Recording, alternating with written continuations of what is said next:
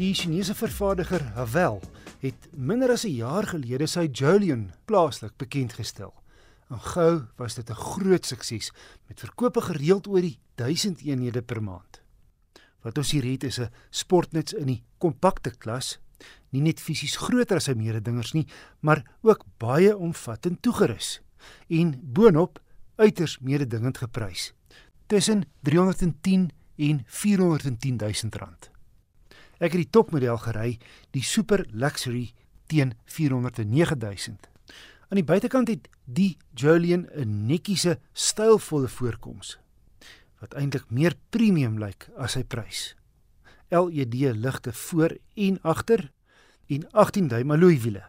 Die kwaliteit van die binneruim kom as 'n verrassing. 'n Skoon minimalistiese voorkoms met heelwat sagte materiaal op die paneelbord asook die middelkonsole en die deure. Die Julian is byna 4,5 meter lank wat hom of die grootste kompakte kruisvoertuig maak of as jy wil onderaan die medium grootte klas. Danksy 'n wielbasis van 2,7 meter het hy baie beenruimte vir die agterste insittendes. Die bagasiebak is egter bloot gemiddeld met 'n Mari beskuit spaarwiel.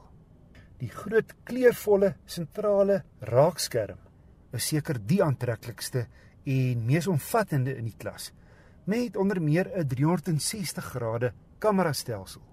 Omdat hier nie knoppe en skakelaars is nie, moet jy egter jou oë van die pad haal om na dinge soos die klimaatbeheer of selfs ritmeter te soek. Die instrumentpaneel voor jou is heeltemal digitaal en die belangrikste inligting soos spoed word voor jou in die onderste deel van die venster geprojekteer.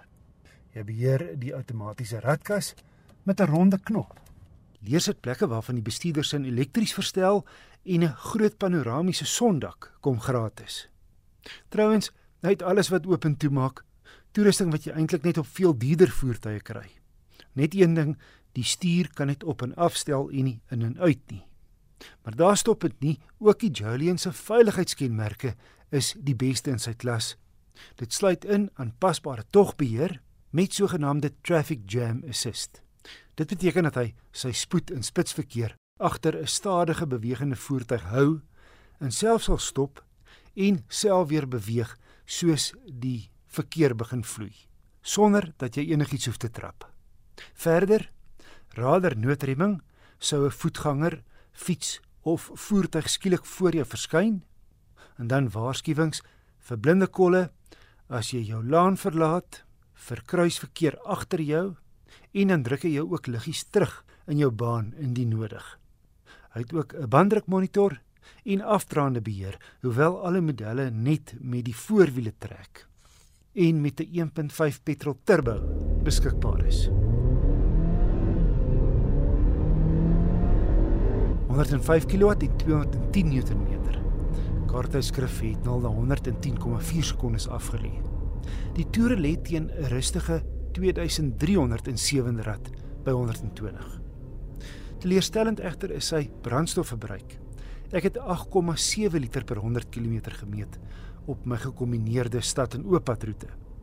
Daar's min pad en windgedruis teen 120 en hy ry oor die algemeen gerieflik oor die meeste padoppervlaktes.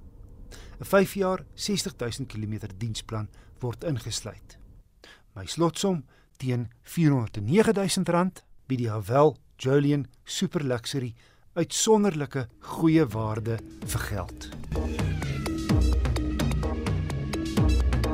Mitsubishi het 'n klompie maande gelede sy Xpander snoetbusie bekend gestel wat direk meeding met die Suzuki Ertiga en Toyota Rumion. Die Xpander het voorlangs nog 'n futuristiese voorkoms en netjies agterligte en aantreklike alloywiele. Die neusgedeelte is redelik kort, so die res van die 4.5 meter lange lyf is net eenvoudig spasie met die sewe sitplekke wat in talle formasies platgeslaan kan word. Die tweede ry kan ver vorentoe en agtertoe skuif. En die rugleuning 1/3 2/3 plat slaan.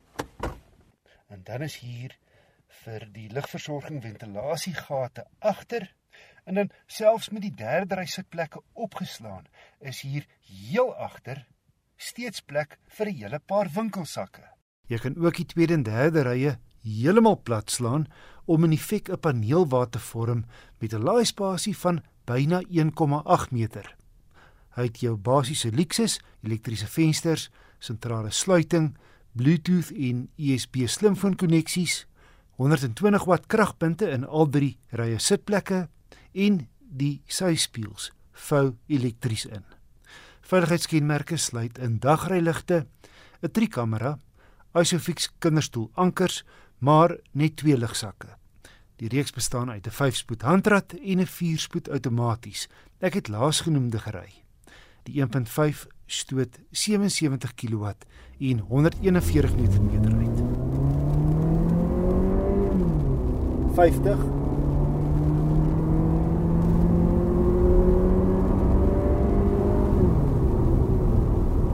100 die tweede. Die expander is maar stadig hier op die hoofveld met sy dun lig. Lang radverhoudings gegee sy beskeie kraguitset help nie die situasie en die masjien raak maar raserig teen hoë toere wat gereeld nodig is om redelik vordering te maak. Teen 120 lê die toere teen 3004de maar met die geringste opdraande moet die radkas derde toespring om sy spoed te handhaaf 120 in derde is gelyk aan 4300 toere. My gemiddelde verbruik was 'n billike 7,4 liter per 100 km. Ander positiefes: gemaklike sitplekke wat lekker hoog sit, 'n goeie grondvryhoogte van 205 mm en 'n gerieflike, toegeeflike ritgehalte. My gevolgtrekking: die Mitsubishi Xpander 1.5 outomaties teen R330 000 is 'n baie veelsidige veeldoener maar hy smeek vir 'n bietjie meer krag.